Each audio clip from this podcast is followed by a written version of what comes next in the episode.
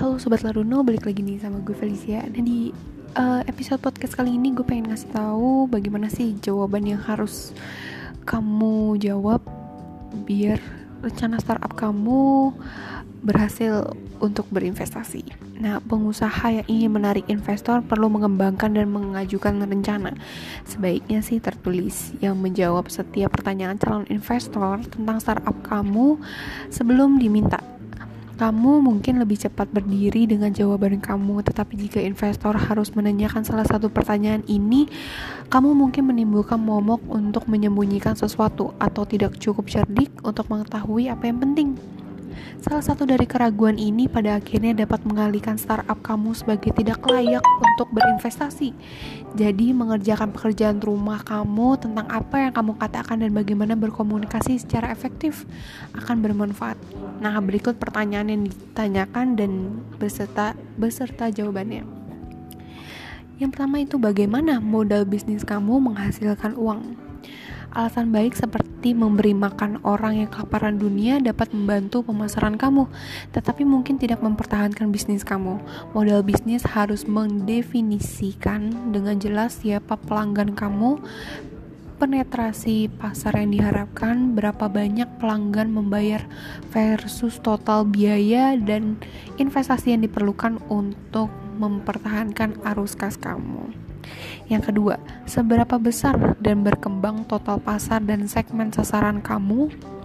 Investor akan mencari ukuran dan divalidasi oleh analisis an, oleh analis industri yang cukup besar untuk mengembalikan investasi yang baik. Mereka menyukai pasar miliaran rupiah dengan tingkat pertumbuhan dua digit.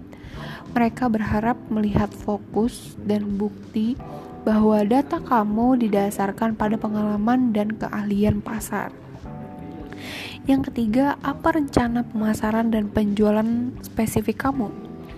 Di sini kamu akan melihat jadwal peluncuran dengan pencapaian dan kemitraan tertentu kamu perlu mengidentifikasi detail harga, saluran penjualan, mitra strategis, dan rencana pemasaran yang disesuaikan yang konsisten dengan industri dan segmen target kamu. Sorot elemen daya tarik yang sudah kamu miliki. Yang keempat, apa solusi spesifik dan proporsi nilai kamu? Investor mencari deskripsi te, deskripsi singkat tentang produk dan layanan kamu tanpa jargon teknis atau istilah pemasaran yang kabur dengan nilai yang diukur dalam istilah pelang pelanggan. Ini juga merupakan tempat untuk pertama kali menyebutkan paten dan pembeda lainnya yang membuat kamu unggul dalam persaingan. Nah, yang terakhir ada uh, siapa pesaing kamu dan bagaimana kamu menang. Setiap penawaran baru memiliki pesaing dan alternatif. Jika tidak kredibel untuk tidak mengklaim pesaing, sebutkan tiga yang teratas dan tunjukkan keunggulan berkelanjutan kamu serta tambah serta hambatan masuk untuk startup baru. Jangan merendahkan pesaing, tetapi gunakan spesifik mereka untuk menonjolkan keunggulan kamu.